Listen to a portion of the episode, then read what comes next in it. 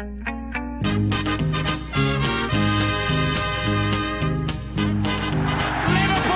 are champions of Europe!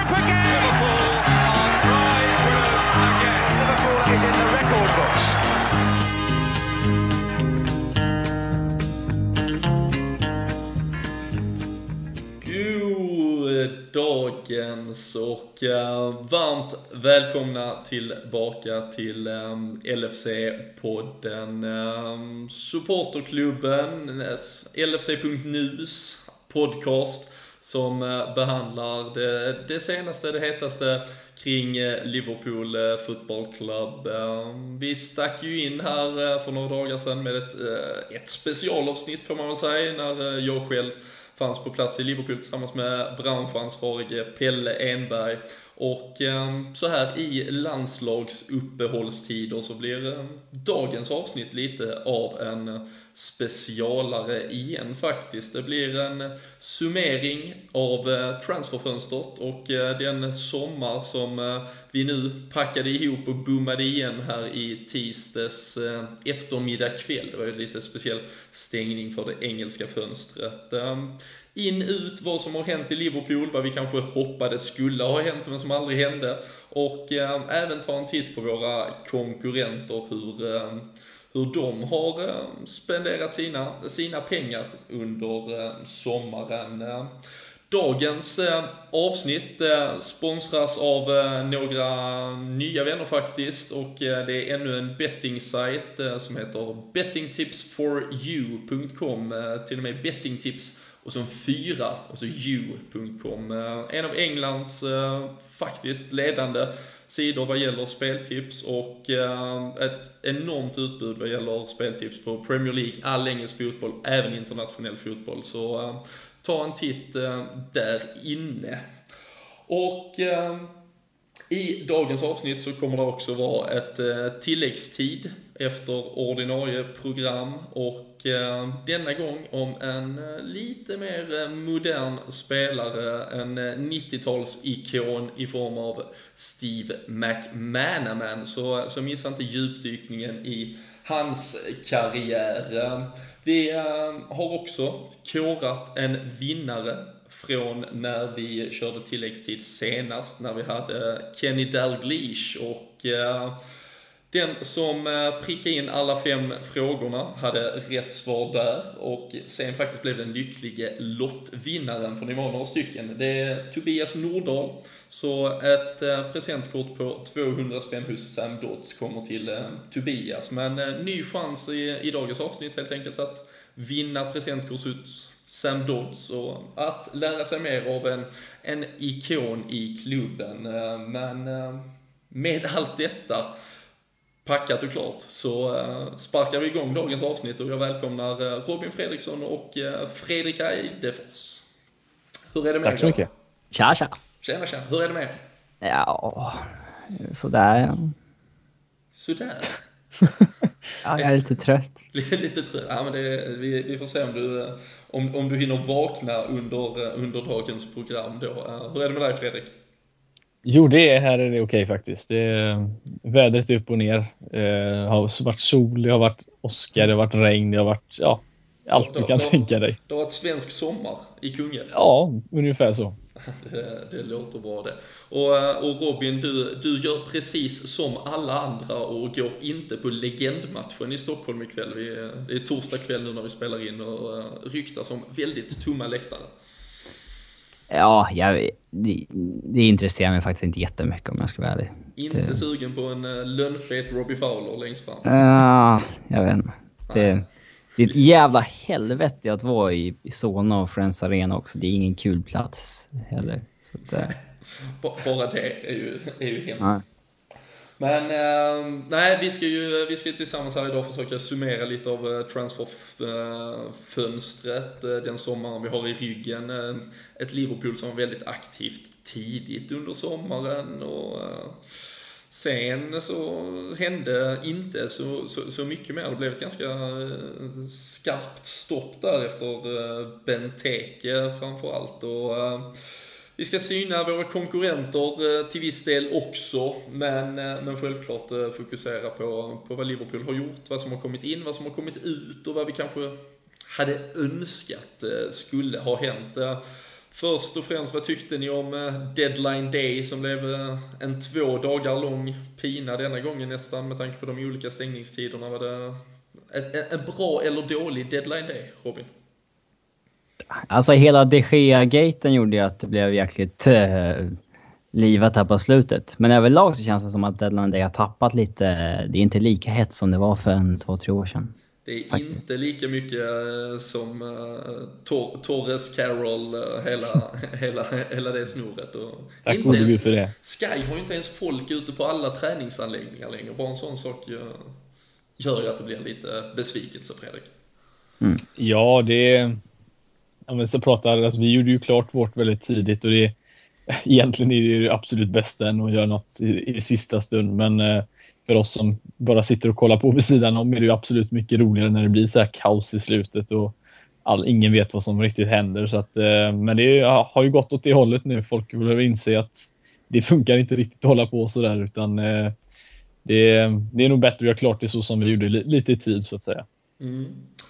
Ehm, och ehm, först in, om vi eh, tar det, tar det något sånär eh, kronologiskt här. Vi kan ju börja med en, eh, det är egentligen en värvning från förra året, men vi hade ju då Divock Origi som var ute på lån förra säsongen, som kom tillbaka nu på något sätt på allvar blev Liverpool-spelare denna säsongen. Ehm, och annars så, så börjar ju sommaren med att vi, vi, vi handlar gratis.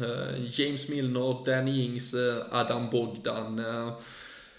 Vi hade en, en, faktiskt en Twitter-följare här förra veckan, eh, Robin, som tyckte att det var dags för eh, panelen och kanske framförallt dig i så fall att eh, äta upp dina ord kring, kring James Milner. Han var du inte så nöjd med då, nu har du sett han 4-5 matcher.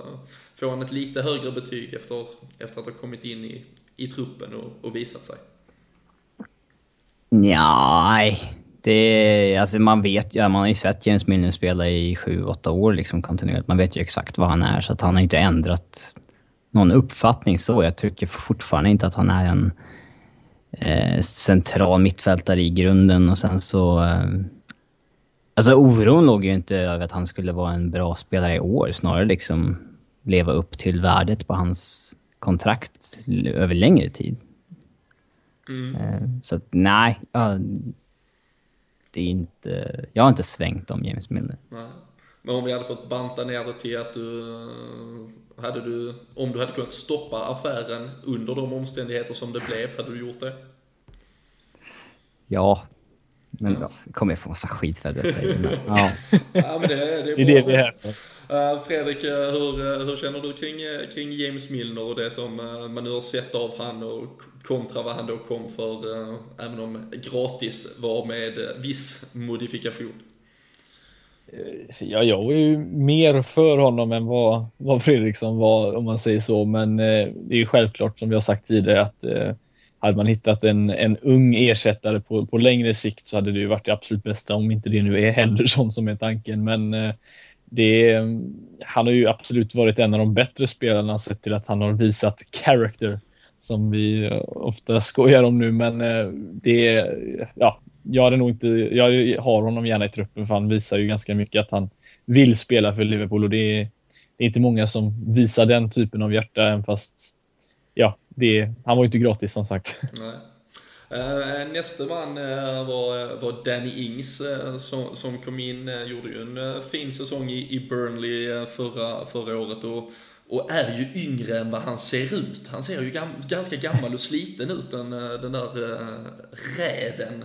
Men en, en ung lovande anfallare trots allt. Men har ju inte fått några Premier League-chanser direkt förutom ett, eh, ett ganska kort och, och ja, meningslöst i slutändan inhopp här mot eh, West Ham. Eh, har vi använt han för lite än så länge, Fredrik?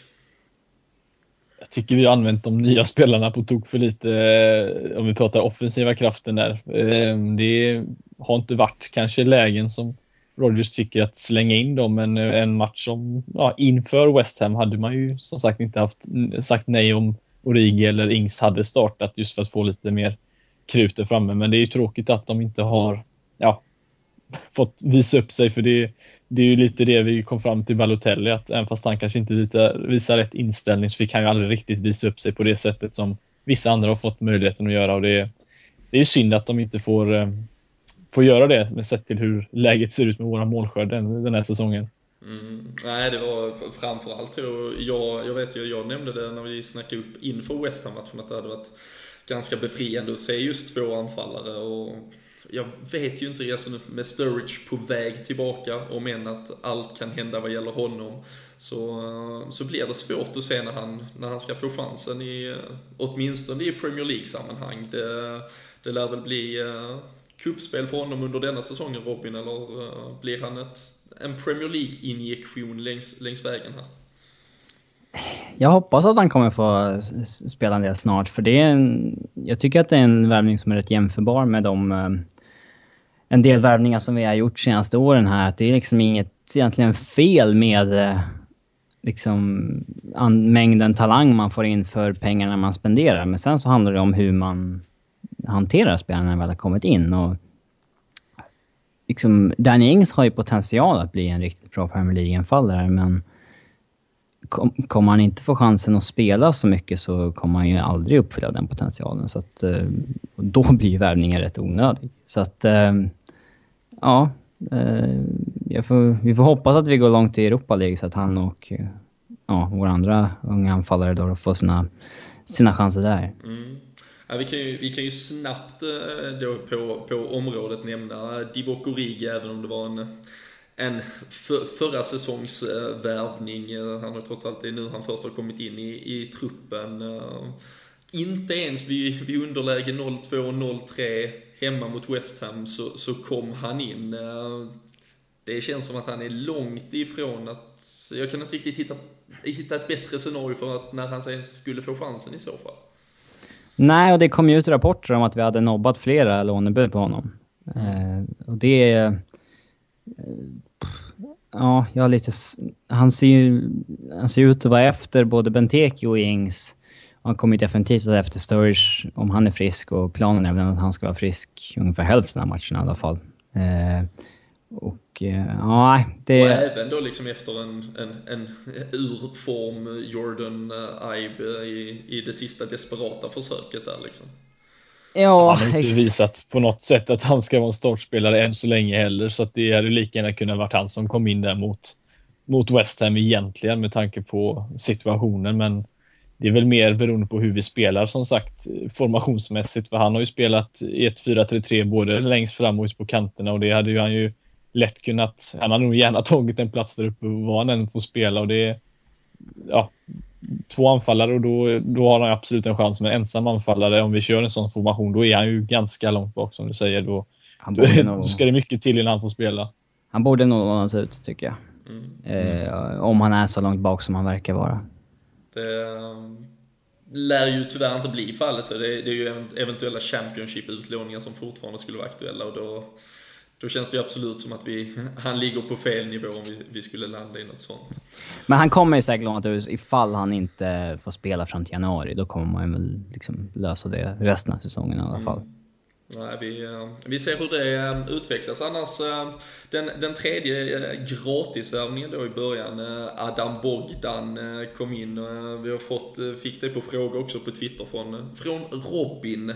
Så Robin frågar Robin här två bra målvakter hade väl varit att, att föredra. Ingen konkurrent till, till Mignolet denna, denna gången heller. Um, vad, vad, känner vi kring det? Att, att, att det blev en så ja, medioker lösning ännu en gång? Jag kan ju bara upprepa det jag sa då. Jag, helst av allt vill jag se en ny första målvakt. I andra hand vill jag i alla fall se någon som var på samma nivå som Mignolet komma in. Till exempel då en Sergio Romero som var free agent hela sommaren. Um, det, det, är ju egentligen ingenting som har förändrats. Alltså Mignolet är ju samma Mignolet som petades för ett halvår sedan på Old Trafford när vi spelade en jätteviktig match där. Det är ju... Liksom. Vi, får, vi, får, se om Bogdan startar den 12 här mot, uh, mot United då helt enkelt. Jag har så, svårt för att liksom en, en Mignolets form över uh, våren ändrar liksom så att man tar så stora beslut baserat på liksom formmässiga prestationer kort tid. Det, nej, jag hade verkligen velat se en, en bättre målvakt som kom in, oavsett om det var en reserv eller en första målvakt. Mm. Um, annars en av, en av värvningarna som verkligen uh, kom under radarn när, det, när, när den blev av. Och, eh, men sedan har kommit att bli liksom en, en ordinarie startspelare. Joe Gomez, eh, Fredrik, han eh, ägnar ägnade vi inte så mycket tid åt när han signade för Charlton. Vi trodde väl det var i stort sett till, till reservlaget eller ett utlån i början. Men har tagit sin plats och till den milda grad att till och med sippra rykten om att vi skulle ha erbjudit Alberto Moreno till, till Real Madrid för att uh, Joe Gomez skulle vara vår e-, enda ensamma vänsterback, mittbacken. Men uh, finns det något, uh, något att säga kring hans eh, hela affären och hans, hans imponerande utveckling här under, under första delen? Ja, det är ju lite, måste jag säga, jag blir lite förvånad och lite rädd också när man läser att, att vi är redo att skeppa iväg eh, Moreno faktiskt. För att, ja, vi har ju snackat om hur, hur Gomes haft en riktigt bra stat, statistiskt sett nu eh, de första matcherna, men som sagt mot West Ham eh, kommer inte vara en engångsgrej, det kan jag garantera. Han var väl, tycker jag, nästan den sämsta på planen. Även fast han är ung och det får man, det får man köra på liksom. Men han ska inte ha tagit sin plats så lätt utan att ha visat vidare mycket heller tycker jag. Och det är lite synd om vi har vänsterbackar som är behandlade som de är, om vi räknar med Enrique och Moreno då som jag tycker är bättre ytterbackar än vad han är. Så att, eh, det... Tror, tror ni helt att det kan ha legat något i det här ryktet att vi ska ha erbjudit Moreno. Alltså, José, allt kunde ju hända med José Enrique. Han kunde absolut ha lämnat antagligen på deadline day om det hade velat sig väl och uh, att vi då skulle kunna det måste väl nästan vara bullshit. Vi hade väl inte kunnat tänka oss gå liksom 50-60 matcher under en säsong med, med Joe Gomez som enda vänsterbacksalternativ en hel säsong. Nej, det, är ju... känns konstigt. Nej, det vore jättekonstigt, verkligen. Det, vi, vi fimpar Moreno-ryktet helt enkelt. Uh, nej, det ja, det är för absurt för Ja, det, det är det för extremt. Men hade det förvånat er? Nej. det är det som är grejen. Det, det är för absurt för att vara sant, men det hade inte förvånat. Men, uh, men, men, det, ja, men det förvånar ändå att folk som liksom gör en artikel på ryktet inte tar det i beaktning att då skulle Joe Gomez vara vår enda, alternativ där. han är ju inte ens vänsterback. Nej, nej precis. Så vi skulle ju inte ha en enda. Men eh, nej, en annan en spelare som fick eh, desto större spaltmeter och, och uh, vi, vi snackade om honom och snackade, lyfte ju verkligen upp honom som en imponerande värvning när vi gjorde klart med Roberto Firmino från, från Hoffenheim i en framförallt så imponerades vi väl för en gångs skull av eh, liksom handlingsagerandet från, eh, från Liverpools sida där det var mm, smack boom bang i stort sett. Eh, gick från rykte till att han stod med Liverpool-tröja på på 12 timmar i stort sett. Ehm, så han, man har fått känna lite på honom, han har fått känna lite på, på Premier League. Ehm, vad, vad tycker vi om hans inledande tid i Liverpool, Robin? Jag tycker att det sett lovande ut. Eh, jag gillar vad han visar för, för egenskaper och sådär hittills. Jag, när man bara ser någon, några matcher så här nyspelare så ska man inte liksom bedöma om det blir mål eller om det blir assist så här. Man får ju liksom försöka identifiera vad han är bra på och vad han är sämre på. Och så där. Jag tycker att det, det ser ut som en riktigt bra spelare som vi förmodligen kommer ha stor nytta av. Eh, sen att det är vår näst dyraste värvning genom tiderna, det det säger väl mer om inflationen i eh, transfervärlden idag snarare än vad... Ah, trea måste ha både Benteke och Andy Carroll. Ja, just det. Benteke har gått av ja. eh, nu. När Men, han kom eh, Ja.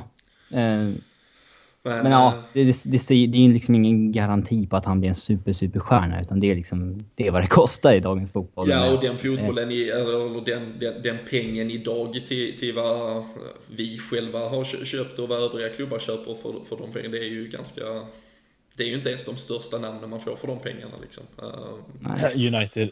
Ja, nej vi behöver, vi behöver inte nämna några namn än så länge.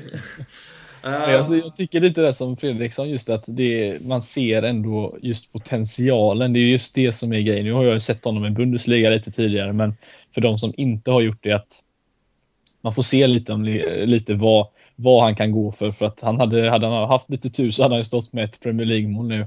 Och det hade du fått se live och det hade ju inte varit ett dåligt sådant heller. Ehm, jag påminner lite om när Carragher vände upp mot uh, Queens Park Rangers och dammade av den. Men uh, ja. Nej, ville sig inte denna gången heller.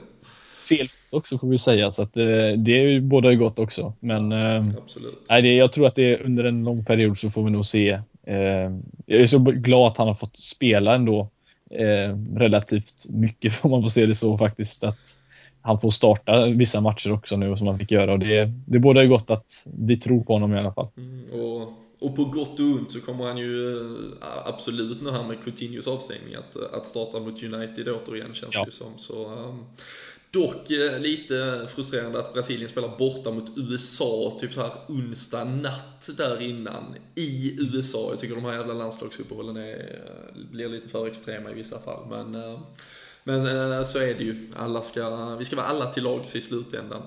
Ehm, Christian Benteke nämnde vi som, som klev upp på den där ehm, näst dyraste tronen trots allt. Ehm, vi låter väl Andy Carroll vara kvar som ohotad etta vad gäller transfers, men, men är uppe på och nosar på de här 34-35 miljoner punden.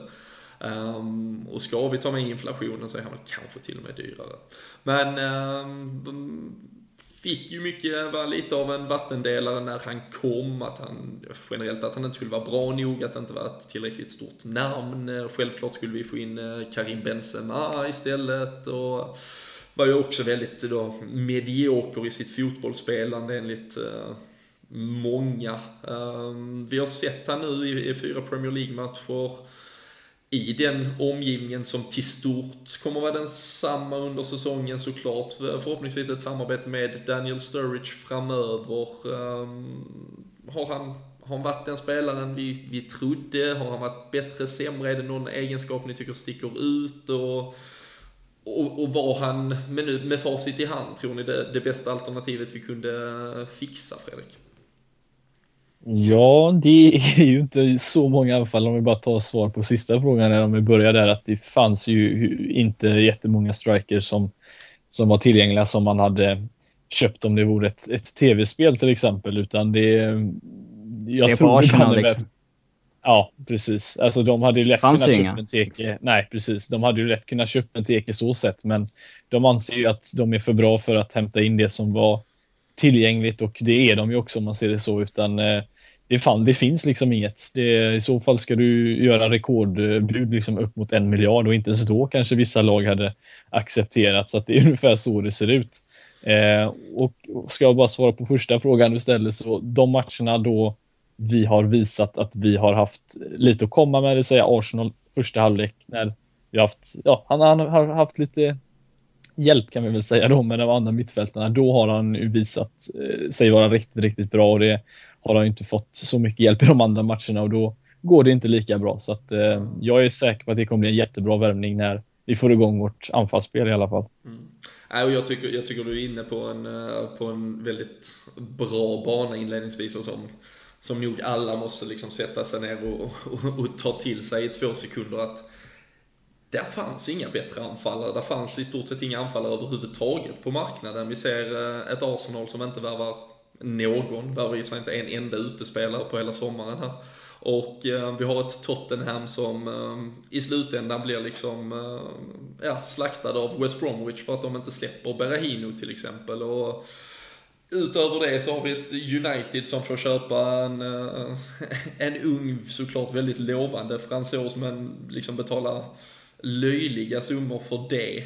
Så um, sett till marknaden och till de anfallsförflyttningarna som har gjorts under sommaren så, så får man väl nästan vara jättenöjd Robin om man ska vara helt ärlig. Ja, jättenöjd är inte jag, men eh, alltså det... Som vi har varit inne på, det fanns ju typ inga anfallare på marknaden den här sommaren och vi ville ju uppenbarligen ha en och eh, han är ju... Att vi, annars då, hade vi, hade vi klarat oss till och med utan honom då istället? Alltså, jag, jag sa ju att jag hellre har ingen än Benteke. Eh, men det är bara baserat på att liksom... Ja, så då skulle ju inte Balotelli lämna och så vidare, men det, så, så var det ju bestämt att han skulle och så vidare. Eh, så att... Eh, det som, han kommer ju... Han är ju en, eh, fortfarande en hygglig anfallare liksom. Han kommer väl göra sina 15 mål som vi, jag gissade på. Uh, så att jag tror inte att han är liksom jätte, jätte dålig. Men uh, det enda som svider lite, det är väl liksom att uh, 32 miljoner pund är ju en, det är en jättehög summa. Men det, det fanns inte så mycket att välja på, så då går ju priset upp. Så att, Ja, och fanns det inget annat att lägga pengarna på heller så är det ju eh, skitsamma. Nej, vi hade ju massa pengar den här sommaren också så att... Eh, vi har ju liksom... Rodgers har ju fått det han har pekat på, på de positionerna han har velat förstärkt. Så att, mm. eh, det... Och um, den sista, eller ja nu blev det ju en, det blev ju en deadline day signing också i Taiwo Aoniji från, eh, från uh, eller nigeriansk uh, ungdomslandslagsman. Så lovordad av Nwanko Kanu dessutom. Men uh, han ska ju inte djupdyka så mycket. Men uh, Nathaniel Klein annars, um, sista av de uh, större sommarvärvningarna och kanske när vi blickar tillbaka den eh, bästa värvningen sett till behovet, sett till vad han kommer leverera, framtid och, och prislapp, Fredrik. Ja, det där ju känns ju, kändes ju verkligen. Jag tror till, vi satt där och pratade om det då att det, det, det var liksom allt rätt egentligen. Det, alltihop det spelade in bra och jag tyckte att man kanske har blivit lite Ja, när man sett till vem som spelade innan så kanske allting kändes bra som skulle komma in men det, det här kändes verkligen rätt för det man har sett honom tidigare och eh, ja, man vet vad han kan erbjuda, att han är stabil och liksom inte gör bort sig på så sätt så att det, det, det behöver vi inte fler av sådana spelare utan det, det kändes bra helt enkelt och det kommer visa sig också under säsongen och framöver, det, det tror jag absolut. Mm. Um, om vi eh, stannar eh, kring, kring det som har kommit in men, men tar på oss hatten av vad som vi hade önskat kanske eh, skulle komma in. Eh. Det finns såklart, man kan alltid säga om spelare hit och dit, men om, om vi startar vid någon specifik position Robin som vi känner att klubben glömde under sommaren. Eh, hur känner vi där? Ja, alltså alla har ju velat ta in en riktig defensiv mittfältare hur länge som helst. Men det verkar ju inte ske helt enkelt. Så att, ja, Eh, men jag, jag ville väl ha in en... Eh, det jag ville ha in var ju en målvakt, en höger mittback och en defensiv mittfältare främst.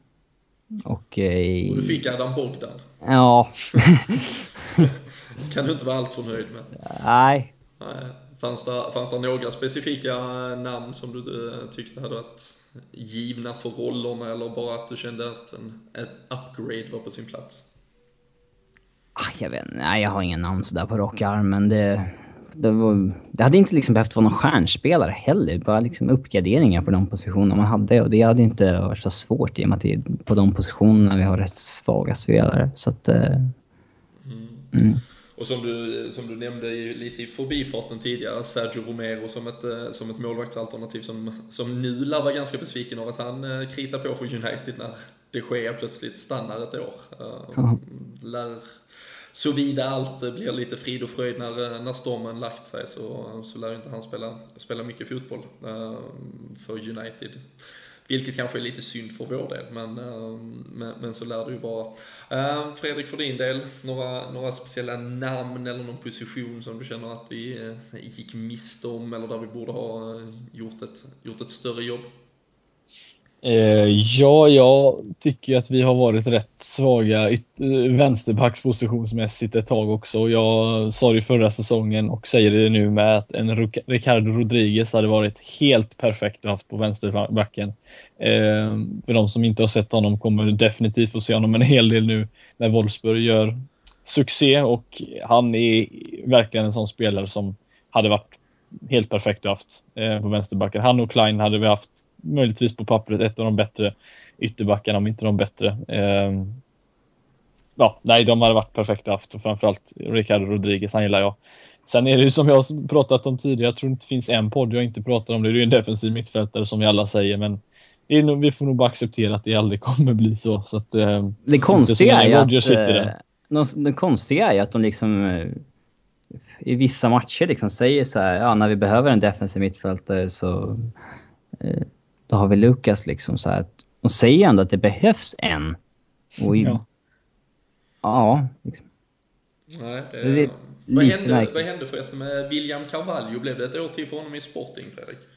Ja, han drog ju på sig en skada nu, eh, tror jag också, precis eh, typ två veckor eller tre veckor innan det stängde, så att det hade ju inte blivit något heller. Men jag för mig han skrev på ett för, ja, jag är inte helt hundra faktiskt. Ja, lär väl, men det är lär, en spelare som vi har pratat om tidigare. Med, lär väl bli nästa, nästa fönsters man återigen i så fall. Eh. Kanske det. Men eh, nej, det, du var inne på, på mittbacksfrågan eh, annars också Robin. Det, Joe Gomez var ju en, egentligen en, en mittback på sikt eh, åtminstone. Jag tror inte att eh, hela den här vänsterbacksidén eh, var, var född redan innan han värvades. Men eh, Robert Östnäs eh, skriver här till oss på Twitter också att eh, skulle vi inte verkligen vara i ett behov av att plocka in en mittback av hög klass. Eh, Lovren är Lovren vad det nu kan betyda. Uh, Skartel är till åren och, och så sitter ju Mamadou Sakho på bänken. Uh, lite tendens att han nog hade velat se honom spela. Men uh, kan det bli kostsamt att vi inte har förstärkt där utan uh, är kvar med samma fyra egentligen som förra säsongen? Ja, det kommer jag absolut missnöjd Sakho då? Ja, det kommer... Kan det Ja, nu vart ju han kvar som vi... Jag inte trodde, men Alltså vi, vi kan få en okej okay mittbacksituation bara vi spelar rätt spelare, men kommer vi hålla fast vid, vid fel spelare så kan det bli rätt stökigt. Eh, och... Eh, alltså det, vi hade ju inte liksom utrymme för att ta in fler mittbackar egentligen. Vi hade ju tillräckligt många. I så fall skulle det ju någon ha lämnat och de de har, sitter på verkar de ju rätt nöjda med liksom. Eh, de, Rodgers visar ju enormt förtroende för Lovren och Skertel och de har ju erbjudit Sacco ett nytt kontrakt och förlängde ju nyligen med Colo Teresa. Så att de, de verkar ju rätt nöjda med sin mittbackssituation liksom. Mm. Är det eh, något namn som har, eh, som har eh, bytt klubb eller som har sett ut att vara aktuell som du hade kunnat tänka dig har fått in och, och bilda då ett mittbackspar med Mamadou Sacco som inte är någon hemlighet att du gärna hade sett starta? Eh, jag var ju rätt hög på Hövedes tidigare i sommar, men sen kom det ut att han hade nobbat att gå till Arsenal till exempel, och då är inte Liverpool varit särskilt aktuellt heller. Eh, så att, eh, nej. Men liksom hitta... Det var ju lite snack om att Liverpools scouter för något år sedan så där inte kunde hitta försvarsspelare. Tony Evans gick ut och sa, och det... Det, det vore ju rätt konstigt för varje fotbollsscout kan väl hitta en bra försvarare. Liksom. Att inte kunna hitta en anfallare som gör 30 mål, det är liksom, ja visst, de, det finns inte så många liksom. Eh, men liksom, ribban för att uppgradera i vårt mittbacksförsvar är ju inte jättehög. Så att, eh... Nej, där finns ju en del uh, bara gedigna Premier League-spelare i, uh, i, i sämre lag som hade kunnat uh, göra ett ganska ett ganska dugligt jobb i förhållande till hur det har sett ut. Det har varit en himla massa aktivitet på utsidan också. Vi behöver inte ja, gå ner på alla namn här. Det är en, en lång, lång lista av eh, Steven Gerrard, Glenn Johnson, Brad Jones som, som lämnar gratis. Eh, sålde Sebastian Coates eh, väldigt, ja, det var väl på, på tiden. Vi har en Iago Aspas som eh, officiellt avslutar sin tid i Liverpool. Ehm, Mario Balotelli eh, blev ett lån för honom, vilket eh, lär mynna ut i någon eh, ja, början på slutet och, och Ricky Lambert ehm, lämnar för West Bromwich ehm, och ja, han fick sin säsong på Merseyside men, men tyvärr inte mycket mer än så. Det som ehm, såklart inledningsvis var väldigt eh, stort och det som var hela egentligen vårens eh, saga, Raheem Sterling. Ehm, vi sålde honom för runt en 40-45 miljoner pund och nu när fönstret är stängt, eh, Fredrik, så känner man sig nästan lite, lite blåst där när vi tittar på Kevin De Bruyne och Anthony Martial siffror. Ja, det är sett till eh, Citys behov, sett till eh, hans, eh, ja var han kommer ifrån, vilket land han kommer ifrån, hur ung och duktig han är och alla awards han har blivit tilldelad och så vidare.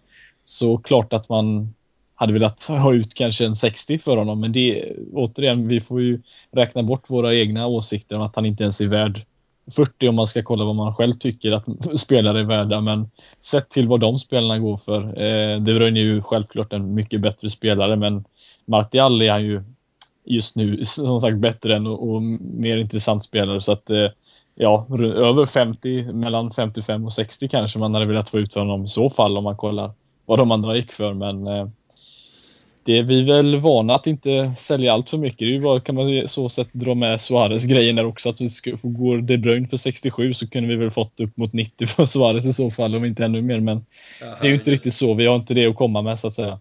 Nej. Tycker du eh, Robin finns något att, lära när man ska ändå göra en sån stor försäljning? Ska man eh, spela ännu mer hardball och riva det hela vägen in i till deadline day istället? Eller eh, var det en bra avvägning att ändå få det, få det klart så pass tidigt som det ändå blev? Ah, alltså... Vi, vi satte ju ribban jäkligt högt på 50 och vi fick ju i princip 50 eller 45 i alla fall. Eh, så att... Nej, där tycker man ändå att man gjorde rätt mycket. Man gjorde det bästa av situationen. Fick ut så mycket pengar som, som möjligt. Man hade kanske kunnat fått mer sista dagarna, men det det hade inte varit kul att ha en de Gea situation heller, att han blir kvar efter...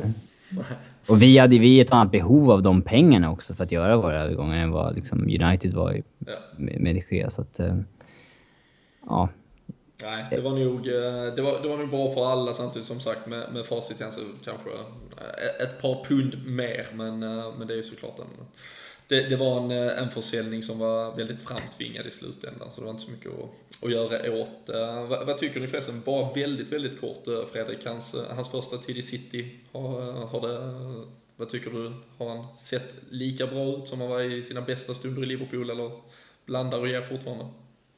Tycker att han, ungefär lite som jag tyckte han var i Liverpool när vi hade Suarez-tiden där om man säger så, när han inte är den stora stjärnan och han ja, vet om att han inte är det och tycker att han gör mer nytta än när han faktiskt tror eller har det egot att han var störst som han var förra året för oss. Att eh, vi hade inte så mycket att komma med då och då tog han för sig mycket mer och då tycker jag inte alls att han är eh, lika bra. Så att nu när han har bättre spelare omkring sig och får anpassa sig där, då tycker jag att han då är han som bäst i den här åldern han är nu i alla fall och jag tycker att han har sett ruggigt farlig ut i det han har fått spela och verkligen utnyttja sina styrkor.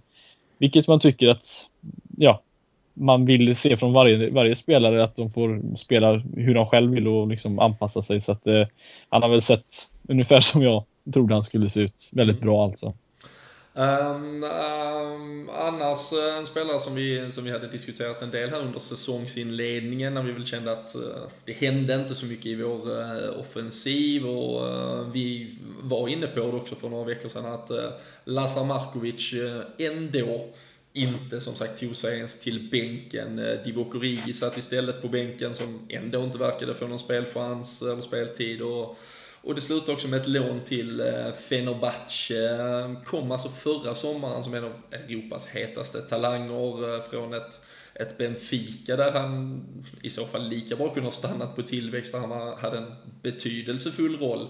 Och eh, vi la stora pengar på honom men eh, lånar alltså ut honom nu. Eh, är det början på slutet för Lazar Markovic det här Robin eller eh, kommer han tillbaka nästa år och är eh, ja, en startspelare för Liverpool? Eh, jag tror nog att det är början på slutet, tyvärr.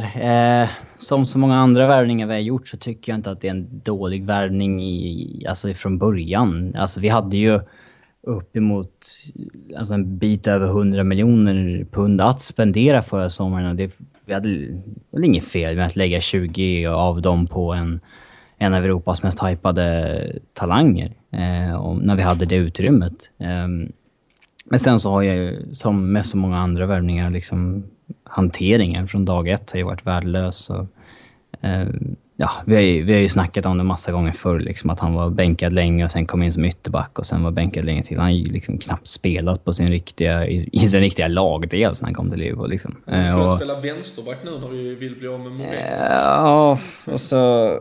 Sen så blir man ju bara ännu mer trött på att eh, liksom, det liksom mer eller mindre bekräftas att en annan Premier League-klubb ville låna honom, men vi skickade hellre honom till liksom, turkiska ligan där kvaliteten är så varierande så att det är skrämmande. Liksom. Och, um, turkiska ligan är ju mer en liga där man går om man vill ha samma pröjs som i Premier League, men inte platsar i Premier League. Eh, det är ju typ så känslorna är kring turkiska ligan. Och det är inte den liga man skickar en 20-åring till för att utvecklas. Det är, Nej, och det är ju också ett Fenerbahce som har plockat in Nani bland annat och... Van Persie. ja, men de, just de sån, de tar ju liksom ens- gamla avdankade... Men han, är ju, det känns, han kommer kanske inte ens vara garanterad liksom en startplats där. Hade vi gett honom till Watford hade han ju spelat 30 matcher i, i den ligan han ska spela i förhoppningsvis i framtiden också. Brendan hade kunnat se honom på plats i stort sett, ja, ganska Det hade ju varit jättekul faktiskt om man hade fått se honom verkligen i rätt position i ett... En jättestor Jättebra. roll i en, liksom...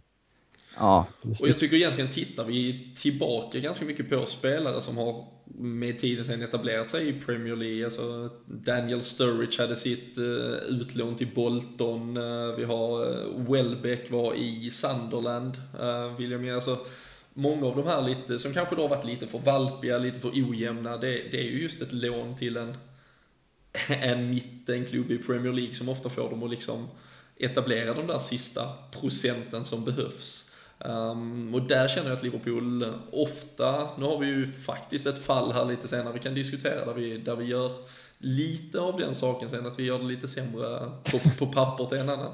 Men, Vi eh, vet vad du menar i alla fall. men eh, ja, men, men nej, eh, väldigt svårt att förstå eh, hela, hela situationen där kring Markovic. Eh, Fredrik Pettersson skrev här på Twitter att vi borde vi inte ha lånat ut Aib istället för Markovic. Eh, Det kanske jag i och för sig tycker att båda borde ha varit kvar. Ja, det, Ibe kan ju vikariera som, lite som högerback också i och med att vi inte har någon bakom Klein. Så att, ja, han hade gärna haft kvar. Men, ehm, Men tycker ni att eh, vår, vår trupp, eh, vad, vad där liksom utrymme ens att, att, att låna ut Markovic överhuvudtaget? Eh, Har vi så pass många alternativ? Sen att vi då lånar ut honom till, kanske enligt oss, fel klubb, men borde han inte bara varit kvar istället, Fredrik? Jo, det, jag, jag tycker ju att vi har ju när, en... eh, när Coutinho fick rött här mot uh, West Ham, vem tyckte du skulle komma in mot United för att ersätta honom då? Liksom? Det var väl liksom, i alla fall Markovic jag tänkte på då. Ja, det hade ju varit... eh, Ja, det hade ju varit Aib, men ja, man hade ju velat se Markovic, absolut. Men kollar man i den matchen, jag tror det var mot Arsenal där, eh, hade vi ju en fruktansvärt ung trupp, eller ett ungt lag hade vi väl, på banan. Eh, och jag tycker fortfarande att vi är lite valpiga ibland, att vi har för lite rutin. Eh, nu har ju Miller kommit in och hjälpt det lite till, men det bästa hade varit att så som vissa andra lag har som Arsenal. Jag har nämnt tidigare på högerbacksposition tidigare innan Bellerin att Chambers och du har Debussy, du har liksom ålder du har ungdom tillsammans och, och blanda och ge och vi har lite för mycket unga och bara slänga in i så fall men det är ju de som ska utvecklas till exempel att ha Markovic bakom en Milner om, om nu han hade varit en ytter som han jag tycker att han ska spela i, istället och då hade man kunnat haft blandat och gett där. Nu har vi ingenting bakom istället från att ha väldigt mycket och det är, det är lite tråkigt faktiskt sett till att vi har så mycket talangfulla spelare som ja, kan utvecklas och bli mycket bättre. Mm. Um, ja, jag tror att de flesta som följde, följde Deadline Day-soppan eh, i slutet eh, var väl medvetna om vad jag, vart jag ville tidigare här för någon minut sedan. Eh, I förhållande till då vår Premier League-utlåning där Thiago Ilori, alltså ehm, som kom för två år sedan till till Liverpool också han som en av eh, Europas hetaste på sin position. En uh, ung, lovande mittback. Uh, varit utlånad två säsonger här tidigare till både La Liga och franska ligan. Bordeaux. Precis, och um, nu trodde väl kanske han, många, att uh, han åtminstone med tanke på att vi inte gjorde några mittbacksköp, att han skulle ja, ge sig in i leken åtminstone. Men äh, blev alltså en utlåning till Aston Villa. Äh, en miljon pund betalar de för det här lånet. Ehm, men där skon klämmer för många åtminstone, eh, och av att döma av reaktionen, det är ju att det sägs också vara en eh, klausul för Aston Villa att köpa honom såvida han, lite beroende på hur många matcher han spelar, så för allt från 6 till 9 miljoner pund lite drygt så kan han alltså bli Aston Villa-spelare utan att ha spelat en, en enda sekund eh, Premier League-fotboll för Liverpool, Robin. Det eh, luktar slarv återigen. Ja, man undrar ju återigen vad fan... Inget fel på värvningen från början, men liksom hanteringen sen han kom är ju värdelös där också. Det, bara det att han... Att, att vi väntade ett halvår med att låna ut honom när han kom var ju konstigt från början. Att nej, han ska anpassa sig till England, sen ska han lånas ut utomlands. Jaha. Eh, först till Spanien och sen till Frankrike. Dessutom. Ja, så bra att han fick de här sex månaderna i England först liksom. Men eh, alltså, jag, alltså... Framförallt så undrar jag... Vad, vad är det som har förändrats från att när han kom tillbaka från U21-EM och de ville ge honom en förlängning på hans kontrakt trots att han hade två år kvar? Vad är det som har... Har han varit så jävla tokdålig på träningarna sen dess att han liksom, nej men vill låna ut honom med en köpoption istället liksom. Det, vad, vad är det som har hänt sen dess? Nej, det, det, det, det blev ju... För jag tror ju i sig att Thiago Ilo på något sätt gick på ett lån. Det var väl inte det som fick Twitter att reagera. Det var väl just eh, dels det här med vidareförsäljning eller åter, eller köpsklausulen som låg till Aston Villa och på något sätt blev det också någon summering på allt vår transfer mishmash under, under allt för lång tid. Um, där fanns, jag vet inte om ni har läst uh, den här, uh, en, en källa som, uh, som uppger att han har, har koll på läget varför vi just uh, bakade in den här klausulen och att det faktiskt är ett rent genidrag från Brendan Rodgers. är det någon av er som har Låt läst Låt mig höra. Vad sa du? Nej, det har jag inte hört. Låt mig höra vad hans genidrag är. Nej, men det är ju så att vi har alltså packat in den här dealen att de har då chansen att uh, köpa honom uh, för uh, mellan 6 och 10 miljoner, 6 och 9 miljoner pund beroende på hur många matcher han spelar. summan stiger eller så här, beroende på hur mycket han spelar. Och det här är alltså för att vi vill få Aston Villa att spela honom så mycket som möjligt. För vi var rädda att han annars skulle sitta på bänken och det vill vi inte att det ska hända. Utan den här klausulen kanske bara aktiveras efter, låt säga 25 matcher åtminstone. Men sen är det däremot ingen garanti för att Thiago Ilori måste tacka ja till Aston Villas försök att köpa honom. Så då kommer Aston Villa alltså lägga budet och så kommer han tacka nej för han vill stanna i Liverpool. Och har han spelat si och så många matcher så kommer Liverpool också ge honom chansen nästa säsong. Va? Um, vi får, det, det, blir ju något att följa upp på Det låter ju bättre i alla fall. Varför skulle han hellre gå till klubben som inte har gett honom en enda sekund? Jo, för att han ska ha haft ett riktigt bra snack med Rogers innan. ja, okej. Okay. Men äh, tro, en, ja. tror ni det är ett, äh, ett Twitter, äh, en Twitter-historia utav, utav rang helt? Ja, det... är... Liksom. Ja, Liverpool-fans är ju lite mästare på att hitta på sådana där konstiga stories ibland. Det, har, vi har, det är ju inte den första liknande vi, vi hör. Det kommer, det kommer när det första ryktades om att uh, Lambert skulle kosta typ 11 miljoner pund och det var någon form av strategi för att Lalana sen skulle bli billigare. Och sånt där. Det är, Ja. Låter det, väl givet. Ja. Det, för att liksom, vi skulle typ ha kommit överens med, Bo, med Southampton om att, att liksom en, en gemensam summa för både Lambert och Lalana, men vi lägger den större summan på Lambert för att de ska slippa ge 25% av till Bournemouth. Ja. ja. Vi liksom skulle gemensamt med Southampton liksom screw over en Championship-klubb för att inte... Ja. Ja, nej, det är, fin inställning i så fall. Um, det blev också klart att uh, Fabio Borini till slut uh, lämnar klubben uh, till sitt Sunderland där han väl är som mest älskad i England efter hur han räddade dem kvar i den där magiska slutspurten för ett och ett halvt år sedan. Men... Uh, Fick rätt bra pengar tillbaks ändå. Ja, 8 plus 2 sägs det. Det var inte 14 som förra sommaren, men... Uh, Nej. Ja, hans, han har inte gjort någonting för att hans värld ska öka sen dess. Så. Det hade varit svårt att se en ökning på, Nej, vi, publik. f- vi får ju ändå typ tillbaka det vi la ut på honom. Så Ja. att det får väl anses vara bra. Det är ett genidrag däremot. Är det däremot en spelare som borde ha fått en ärligare chans eller fick han och det var helt enkelt en spelare som inte höll måttet? Ja, det var ju en typisk sån här ja, ung, ung ny manager i ett lag som tar in en kille han känner sen tidigare och trots att det inte är en spelare som inte... Nej, men nu pratar du om Joe Allen tror jag. Mm, ja.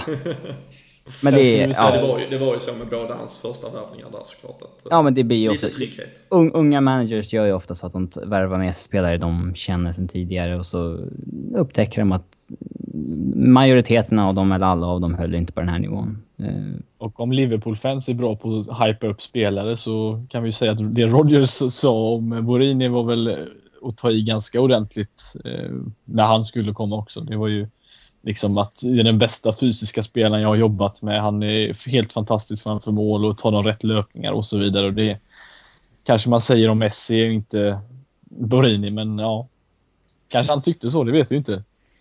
Han hade ju inte så mycket att uh, döma. Visst, han hade varit i Chelsea, men, uh, men annars var det ju liksom... Uh, det, det, det var ju en fel inställning. Alltså han, jag tror inte han riktigt kände till Liverpool-klass när han ehm, börja spendera under första sommaren. Ehm, sen kan man ifrågasätta om man har lärt sig det längs vägen, men, eh, men framförallt där i början så blev det en del mediokra eh, signings. Um, ska vi avrunda hela in-ut-historien eh, här med, med José Enrique som till slut stannar i Liverpool. Um, stänger ner Instagram för att nu fokusera på fotbollen. Det är ju det är ju fantastiskt eh, drag. Um, men får liksom i stort sett storknäcken direkt när han då väl ja, tvingas kvar i klubben, bestämmer sig för att nu ska han kämpa för det och så är han petad ur Europa League-truppen som kanske var... vad, vad är syftet med att peta honom ur Europa League-truppen egentligen? Det var ju där han på något sätt... Ja men det är ju... Det, det finns väl en limit på antalet spelare och... Ja, men vi, vi har anmält 21 av 25 möjliga. ja. Vad, alltså vad händer om... Om, Moreno drar korsbandet, liksom, är det meningen då att Joe Gomez ska spela out of position vänsterback i liksom, 50 matcher då? Här får vi eh, Joe Maguire från, eh, från akademin som Det kliver Vi har inget att förlora på att anmäla honom där ifall det blir en skada. Alltså, det är inte så, här så att... Hans kontrakt går ju ändå ur efter säsongen, så det finns ju ingen mening att liksom försöka frysa ut honom så att han ska vilja lämna tidigare. Utan han, Ja, han I så fall skulle man ju gjort en mutual termination nu och betalat kanske liksom hälften av hela beloppet i cash liksom för att säga hej då. Men, eh, nej, men det, det är av, kanske av samma anledning som han lät eh, Balotelli, Borini och eh, Enrique träna för sig själv lite, ja, lite, lite maktmissbruk. Kanske för att han inte ska vara cup-tied i januari. kan, kan, kan absolut vara så. Vi, eh, vi, får, vi får se. Men eh, om eh, ni skulle summera i någon form av betygsskala här. Vi, vi hade frågan uppe och ska se vem det var. Det var Andreas Lindman här. Eh, om ni skulle summera det, och då handlar det ju om in och ut eh, på en skala 1 till 10 Robin. Vad, får eh, Brendan Rodgers och, Liverpool för betyg under sommaren? Fyra, kanske. Eh, Vad krävs det för att få en, en åtta av dig? nej, jag, jag vet inte. Vi säger 1 till 10, vad fan, okej, vad betyder siffrorna där? Men eh, Fem, fem är ju liksom att det var typ OK. Fyra är ju att det fan... ja, men då är det en fyra liksom. Ja. Eh, det är... Man har fått... Sämre än okej. Nej men, okej. ja. Eh, någonstans där kring. Någonstans, någonstans mellan, eh, någonstans mellan med och OK liksom. Ja. Fredrik, de- eh, du, du får försöka reda ut eh, 10-gradiga skalan istället. Men de har ju tagit Ja. in bättre spelare än de har sålt. Det gör ju att det är okej. Men det är ju inte de spelarna som jag hade velat se in. De har ju betalat för mycket för de spelarna också. Så att det, och sen så... Det hade ju kanske gett en femma om de inte liksom hade skickat ut eh, fel spelare också nu på slutet. Mm. Vad säger du Fredrik, om du summerar?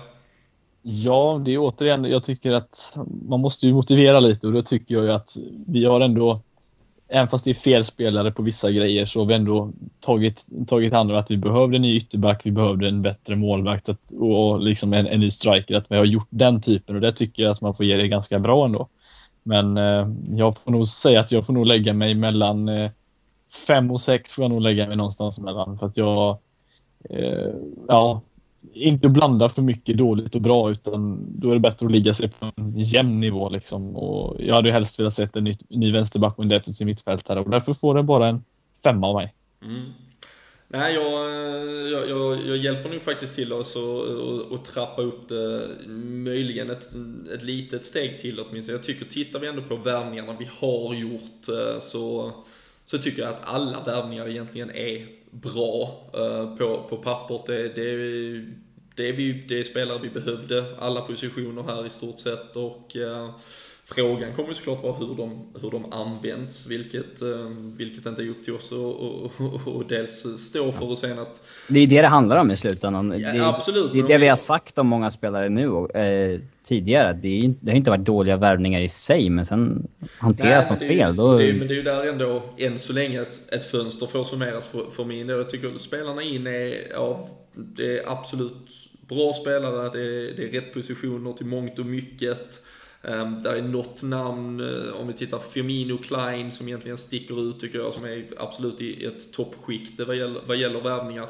Ehm, tycker att James Milner kommer, är övertygad om att han är, redan har varit och kommer att vara en injektion under säsongen och, och som sagt Benteke är nog eh, bland det bästa vi kunde få in. Ehm, um, sen, sen, kan jag absolut hålla med om att en sån en utlåning här av Markovic uh, till viss del drar ner det och, och, och möjligen Ilori. Det är ju egentligen inte Ilori i sig som påverkar mig på något sätt och um, tycker annars att vi egentligen gjorde oss av med, för en gångs skull faktiskt, alla de spelarna vi i övrigt skulle bli av med. Um... Men hade du några så här... Uh, mitt betyg dras ju ner enormt av att jag vill ha in en första målvakt, en höger mittback och en defensiv mittfältare och inget av dem kom. Uh, hade du några positioner... Du hade väl anfallare då som du absolut vill ha in? Men... Ja, en anfallare vill jag absolut ha in och, och där, som sagt, där ger jag oss absolut ett godkänt när vi tittar tillbaka. Eh, med tanke på hur marknaden har sett ut. Sen, hade jag absolut också velat ha in en, en defensiv mittfältare och en mittback. Eh, dock svårt med, med mittback och, och på innermittfältet så, så var det ju spännande när det tidigt började snackas om eh, Ilaramendi till exempel. och där, där, kom en del andra namn, men det, det kändes ju aldrig som det var Kovacic och... Ja, Kovacic hade ju varit... Nej, men det var ju bara skitrykten. Ja. Det var ju... Men, eh, men, men, det var aldrig riktigt nära, så jag tror man, eh, jag mentalt i alla fall, jobbar, jobbar nog bort det. Men, eh, men absolut en besvikelse att vi inte gjorde mer på den fronten. Men en sjua tror jag ändå jag landar i. För det är som sagt två ytterligare spelare in och att Markovic hade stannat så tycker jag att det faktiskt är ett riktigt bra fönster. Och då, då kan vi inte dra ner det till en fyra enligt mig i alla fall. Men, Har vi... Det var därför jag sa mellan fem och sex. Nej, det är, då är vi, mellan fyra och sju är vi, är vi spridda än så länge. Är vi några spelare utöver Enrique då som vi ville ha bort men som blev kvar? Nej. Mm. Nej, jag tror inte det. Det, Eller, ja, det... nej, vi, gjorde ju en, vi gjorde ju en bra tömning i slutändan. Vi blev av med Borini, Aspas försvann, eh, Lambert försvann, eh, Balotelli blev åtminstone utlånad när han nu ändå inte skulle spela. Coates som har suttit och, och tagit upp en plats i flera år egentligen. Och, ehm, nej, vi, och sen fick vi ju låna ut eh, många. En Luis Alberto finns ju kvar i, i, i våra böcker än så länge i alla fall. Blev ett lån för honom däremot. Men, men lär väl inte heller ha en, ha en framtid i, i Liverpool. Och Andre Wiston fick ett tredje utlån dessutom. Och, kanske får spela. Han fick ju hoppa in i helgen, så kanske får, får lite Premier League-matcher under säsongen. Men eh, det är egentligen enda väsentliga när man egentligen summerar ett fönster eh, i slutändan är också hur vi har gjort det i förhållande till våra konkurrenter. Eh, vi, hur mycket pengar vi har spenderat. Ja... Det är ju jättemånga jättekri eller lite kritiska till att netspend ja. är inte tillräckligt högt. Men det är ju... Everton har en högre netspend än Liverpool. Det är ju katastrofalt. Ja. Men ska vi ta, ska vi ta det kort då åtminstone, netspänn? Ja, det är skitsamma. Det är, ja. fan, alltså, får man förstärkt på de positioner man ville förstärka på och överbetalt på de positionerna till och med, då är det ju väl... Alltså, Det är inte så att netspend måste vara högt varje år bara för att. Nej, och vi har ju två säsonger i rad sålt två storstjärnor i Suarez i, alltså vi har ju sålt för en miljard. Alltså att vi skulle kunna ha ett netspend på, alltså vi har ju inte plats till fler spelare i stort. Alltså, Ja, vårt netspend i fjol var väl typ kring 20 eller närmare noll också typ. Det var ju så här, Det var inte så att vi inte shoppade loss ordentligt. Nej. Det är, Liksom, att ge FSG skit för att de då inte typ köper fler spelare eller ännu dyrare spelare. Det fanns ju inte direkt någon dyrare eller några fler som ens var intresserade av att komma till Liverpool liksom. De har ändå liksom satt ett OK på att pröjsa liksom 47 miljoner euro på Christian Benteke och så här. Så man kan inte, och kasta upp ett monsterkontrakt i en 30-årig Milner. Ja. Det, man kan ju inte säga att de har liksom ja, hållit tillbaka klubben från att göra det de vill Nej. nu. Men Man får ju kolla på ta till exempel Chelsea inför förra säsongen. De hade väl ett... ett eh, tjänade väl nästan pengar på det fönstret de hade. Då hämtade de ändå in liksom Diego Costa, Felipe Luis ja, för att de sålde, för de sålde David Luiz liksom. Precis, och det, så att det säger inte allting. Eh, utan eh, du kan ha ett riktigt bra fönster ändå. och Det, det, måste, det, det är bra att vi förstår det, men det, det behöver fler öppna upp ögonen lite för också sett till att det, man, det gäller att sälja bra också. Ja, nej så eh, om ni sitter i bubblan och låter er luras av att klubben skulle vara liksom på- dekis för att vi inte sprättar miljoners miljarder i netspend, eh, det, det är i, i slutändan ganska irrelevant. Det är väl bara bra att klubben är, kan vara välmående och ändå få in mycket nya spelare. Så det, nej, hade vi överspenderat istället så hade det ju snarare varit där man hade, hade klagat.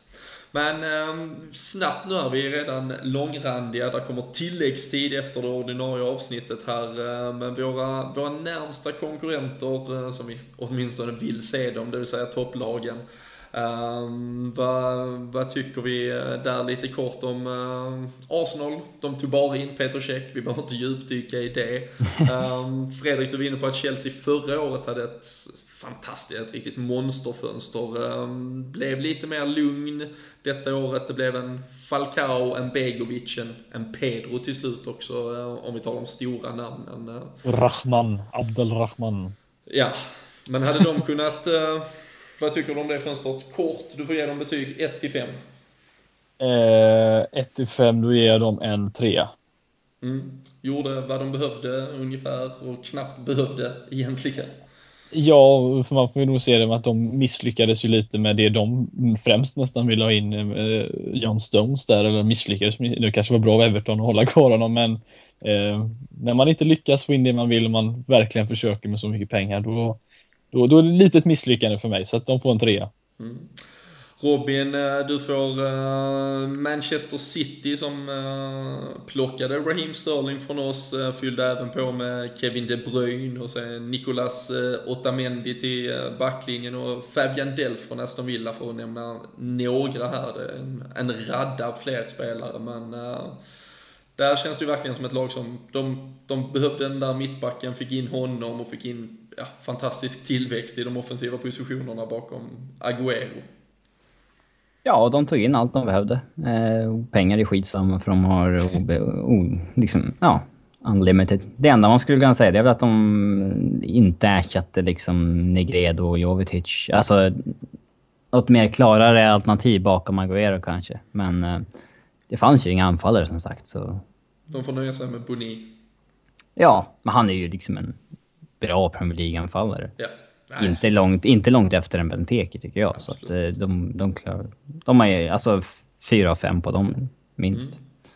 Ehm, Manchester United, eh, Fredrik var vi, var vi inne på med Anthony Martial, eh, den här unge lovande anfallaren och annars så var det, det var namnkunnigt åtminstone i Ja, Bastian. Schweinsteiger, Memphis Depay var ju den, den tidiga tomaten. Uh, Matteo Darmian, eh, Schneiderlän och, och Sergio Romero. Uh, verkligen kort och koncist här verkligen om man tittar listan. Inte ens några sådana här småvärvningar utan sex spelare som, som alla egentligen är aktuella för startelvan också. Ja, det är lite så jag tror en hel del Liverpool-fans hade velat haft det för Liverpool. Alltså det, den typen av värvningar. Nu, nu är det liksom inte möjligt sett till att de har mycket mer pengar och liksom är ja, mer attraktiv klubb för tillfället. Men jag tror de flesta hade nog velat haft det så namnkunnigt. Eh, men det betyder inte att det är, att det är en liksom succé på, på direkten utan vi... Det, det var, jag kan säga, de har ju varit väldigt duktiga att få, få in det, liksom, de spelarna. Och det är, det är inga dåliga spelare de har hämtat in heller. Så att, eh, det, jag tror att de, de kommer stärkas ordentligt när de väl kommer igång, om de nu gör det, vilket jag förväntar mig någon gång i alla fall. Så att, eh, eh, de har, fått, har haft ett riktigt bra fönster, måste jag säga. Och lyckades behålla det ske. Det är kanske deras... ja, eller förlora 300 miljoner. Det beror på hur man ser det. Nej, men uh, vad betyg på, på, på den? Jag tycker fortfarande på något sätt att City ser bättre faktiskt. Sett till att de eh, gjorde mer statement på det sättet att de tog... United har ju fortfarande, de, United har ju fortfarande hål i laget. Alltså de ja, borde ju kunna signa ett bättre målvakt. En mittback, en mittback. Ja, de borde kunna signat en bättre målvakt än Romero. Alltså de borde kunna tagit en... Eh, eh, ja, vad heter de alla jävla tyskarna nu? Eh, han vill väl ha ett exempel. Bernt Leno till exempel. Eller, eh, och de har ju ingen riktigt klar striker bakom Rooney nu om han går sönder när de har släppt både van Persie och Chicharito. Så att, eh... Det är ju Martial. Ja. Ja, men eh, ja, han är fortfarande... Efter det så är det Olsen. Eh... Får en tre och en halva åtminstone, Fredrik? Ja, det får de. Ja.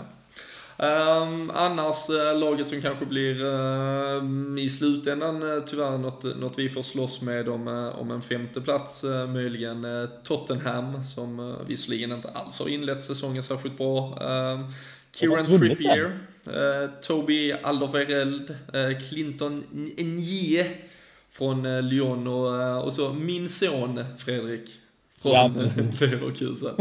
Men äh, vad tycker vi här Robin? Det känns ju Tottenham hade kanske behövt med dem på pappret absolut inte ett bättre lag än vad, ja absolut inte vad de var förra året och inte bättre ah, än exakt. Nej, de har inte samma ja, ekonomiska muskler som vi och United och de andra har. Då. Så att, äh, nej, de, eh, de har inte förstärkt jättemycket. Äh, jag har ingen, alltså han, Jong Min Son har ju varit rätt hypad länge. Jag har ingen riktig koll på hur bra han är, men... Eh, du får se. Ja, exakt. Och det var ganska men, stora äh, pengar där också. Det blev väl ja, en, nästan ja. 20 miljoner pund från dem också. Ja, det är ju inga pengar i dagens fotboll, men Nej. Eh, det är fortfarande den största vändningen de har gjort på, på rätt länge. Eh, sen har ju värvade Lamela och Soldado där. Så att, eh, men de har ju fått bra pengar för vad de har sålt i alla fall. Alltså, Soldado, Paulinho, Clapao och Chireches och alla de har släppt så har de ju fått ett, ett bra pengar tillbaka. Eh, så att eh, klubben mår väl bra ekonomiskt i alla fall. Så att, eh, men ja, de har ju tappat lite bredd. Ja, nej absolut. Eh, jag tycker inte att de har gjort ett särskilt bra De har den största listan här, jag tror det är fem ut och fem, eller fem in och 15 ut ungefär. Visserligen en, en del eh, junisar i det gänget, men eh, släppte ganska många ändå. Ja, Brad Friedel till exempel släppte de. Ja, precis. Han, han gick i pension och då, och då snackar vi inte bara utan ålderspension verkligen. 65, 65 helt enkelt. Men äh, nej, Sportsligt inget bra fönster alls. Nej. Jag måste säga hela Premier League. Jag tror det var Niva som fick frågan väl eh, i Premier League-studion senast. Och Premier League har ju ja, slått, har slått rekord har väl eh, Premier League gjort nu, men det är inget bra fönster som han påpekar hela ligan i sig egentligen, utan det har bara spenderats pengar vilt liksom utan att själva ligan och lagen har blivit så mycket bättre och det får man ju se som ett misslyckande egentligen så att eh, det, Frågan är om det är så att... Många, många säger att Premier League-klubbarna har mer pengar än en hjärna liksom. Men eh, frågan är om det liksom, de har mer pengar än attraktionskraft snarare. För det verkar ju verkar inte vara... Alltså, de flesta utländska spelarna som inte kommer från England verkar ju nästan mycket hellre spela i Spanien eller Italien eller Tyskland. Trots att de kan nästan få dubbelt så mycket betalt i England av en eller så kan de gå till Olympiakos och tjäna mer än i alla andra länder, enligt eh, Jimmy Durmas eh, åtminstone. Men det är ja, konstigt eh, ändå, tycker jag. Faktiskt. Um, om vi snabbt, för nu är vi verkligen långrandiga här. Med det fönster som har varit, vi summerar helt enkelt de trupperna som, som nu är där. Det är det som kommer gälla åtminstone i fyra månader. Um, om Fredrik Eidefors får tippa topp fyra i Premier League, um, inräknat vad vi har sett under säsongsintakten här såklart. vad säger vi? Chelsea, äh, Chelsea tänkte jag säga. City etta. Eh, jag tror Arsenal kommer eh, hamna trea. Jag tror Chelsea kommer ta en andra plats. Eh, United tar fjärde platsen. Yes. Och så kommer vi femma. Robin? Ja, jag tippade jäkligt konstigt där för några månader sedan. Nu med fast i hand. Eh, eller fast i hand. Du tippade. Jag tippade Chelsea. Jag tror jag tippade Chelsea etta, Arsenal tvåa, sen City United. Jag minns inte vem som var tre, fyra av dem, men Arsenal tog inte in någonting utöver Shake, så att de har inte förstärkt liksom. Och City har ju börjat ruskigt bra och Chelsea går inte riktigt att känna igen. Så, ja, men det blir väl City etta, ändå Chelsea tvåa, eh, Arsenal trea, United fyra. Mm. Det blev väl i stort sett samma där.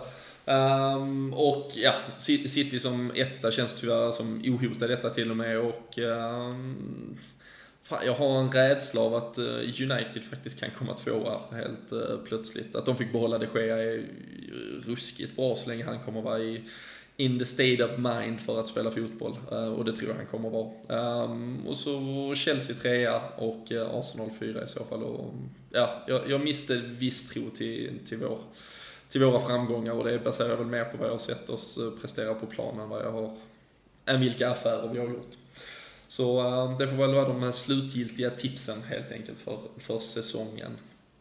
Vi får gärna ha fel, om vi säger så. Ja, absolut. Eh, rättar gärna till oss framåt januari och säger att vi, att vi vinner ligan efter en imponerande höst.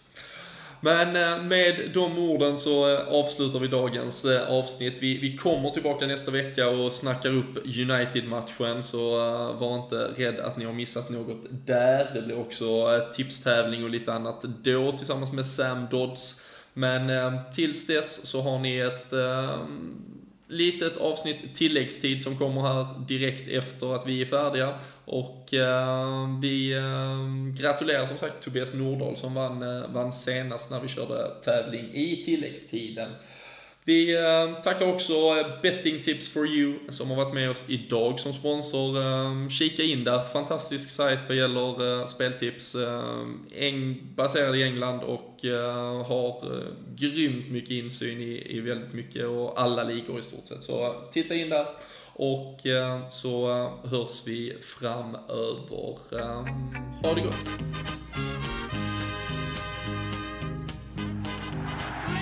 God dagens och eh, välkomna tillbaka till eh, tilläggstid. Eh, vårt eh, ganska nya inslag som eh, gjorde debut här för en tid sedan där vi snackade King Kenny Dalglish och eh, vi blev lite eh, Sir Alex inspirerade och stal nästan 25 minuters tilläggstid vid det tillfället. Vi ska försöka hålla det nere lite bättre denna gången kanske, men det blir lätt eh, roligt, det blir rätt lätt väldigt utspritt när man pratar om spelare man älskar och har avgudat. Eh, varmt välkommen tillbaka Jonas.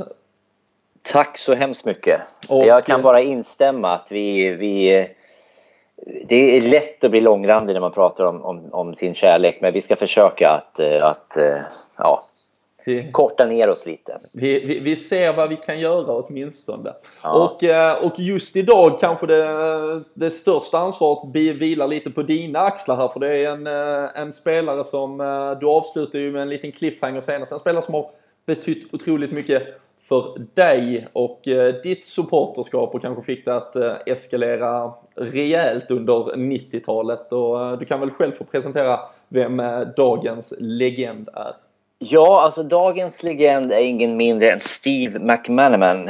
Eh, jag gillade ju hela hans långa, smala, crouch-liknande liksom appearance. Och i och med att man själv var, eh, ungefär såg ut som han så fattar man liksom tycker dels utseendemässigt och dels att han, han var fruktansvärt cool på planen. Eh, det finns liksom ingen riktig att jämföra i dagens, i dagens lag. Kanske lite Coutinho över det hela, men alltså en fantastisk liksom, talang.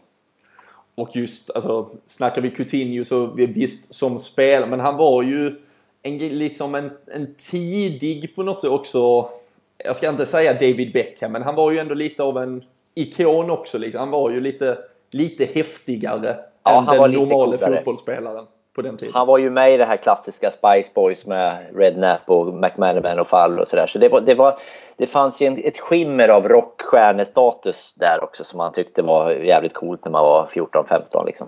Mm. Och eh, förra veckan så, så inledde vi ju med eh, Kenny Dalglish och eh, vi, vi var inne och touchade ämnet redan då. Han var ju en Rangers-supporter som fostrades sedan i Celtic-leden. Och du nämnde Steve McManaman då också. Han och Jamie Carragher är av den här skaran som, som börjar med lite Everton-blod. Ja, precis. Han föddes ju så, så tidigt som 1972 och han i yngre år så supportade han Everton och han fick även ett, ett, ett kontraktförslag från Everton för han visade sig ha en, en, talang utöver det vanliga. Men det, hans far tackade nej till det. Ska väl vi vara tacksamma. Och så 1987 skrev han på som, som eh, för Liverpool, ett liksom så här lärlingskontrakt. Mm. Eh, som var mer fördelaktigt. Jag trodde Evertons kontrakt strax bara på ett år utan det här var löpande. Om man skulle gå bra i Liverpool så skulle det skrivas proffskontrakt och så vidare. Så då, då jag tycker det är intressant hur man stöder ett lag i, i, i staden men skriver på för ett annat. Men det visar sig vara ett genialiskt idé.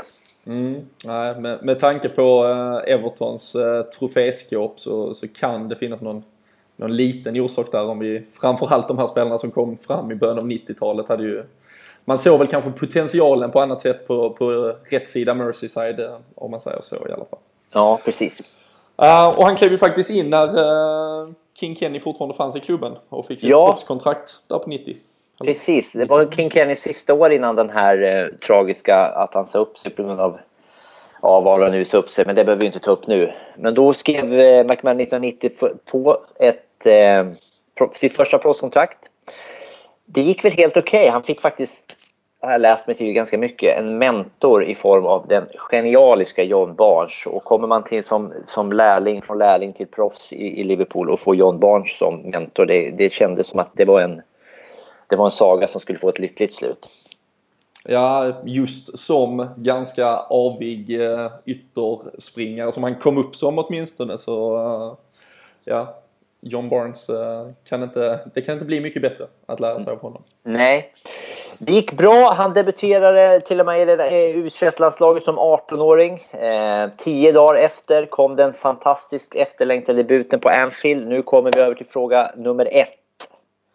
Mm, och eh, det kanske vi inte, nu kanske vi knappt han få med det här men alltså som sagt vi kör vidare på förra Um, omgången, sen när vi senast körde tilläggstid och fortsätter på inslagen väg med, eh, med fem frågor på, på ämnet. Och uh, ni kan helt enkelt uh, mejla in svaren till podden snabla liverpoolfc.nu. Märk tilläggstid i ämnesraden så kan vi lätt sortera ut och uh, bland uh, de som svarar rätt på alla frågor såklart, om det är fler än en, så lottar vi ut ett eh, presentkort på 200 spänn hos Sam Dodds. Och eh, fråga ett här på Steve Manaman, McManaman. Det är ju då alltså um, att han gjorde sin debut eh, um, 1990 i en 2-0-seger mot Sheffield United. Men frågan är, vem bytte han med? Alltså vem klev av när Steve McManaman klev på för sin eh, debut eh, på Anfield helt enkelt. Det är fråga nummer ett där och eh, så kommer det några till längs vägen. Yes, vi kör, försöker alltid hålla fem stycken frågor. Det där var fråga ett. Alltså, han gjorde debuten 1990. Var väl inte riktigt en regular första åren men 92 där så kan man väl säga att han börjar bidra på, på allra riktigt. Då var det platsen Wembley. Det var fa Cup-final. Mm. Och Steve McManaman blev faktiskt utsedd till, till bästa spelare på plan där. Ja. Trots, trots att han inte gör mål. Men, Nej, han är, jag har försökt läsa mig lite referat där nu på nätet och han, han var sådär magisk som man vill vara att ens lirare ska vara i finalen. Målen gjordes dock av eh, Michael Thomas och Ian Rush, men fråga nummer två är vilka besegrade Liverpool i fa Cup-finalen 1992 när Steve McMahon tog sin första titel med Liverpool? Mm.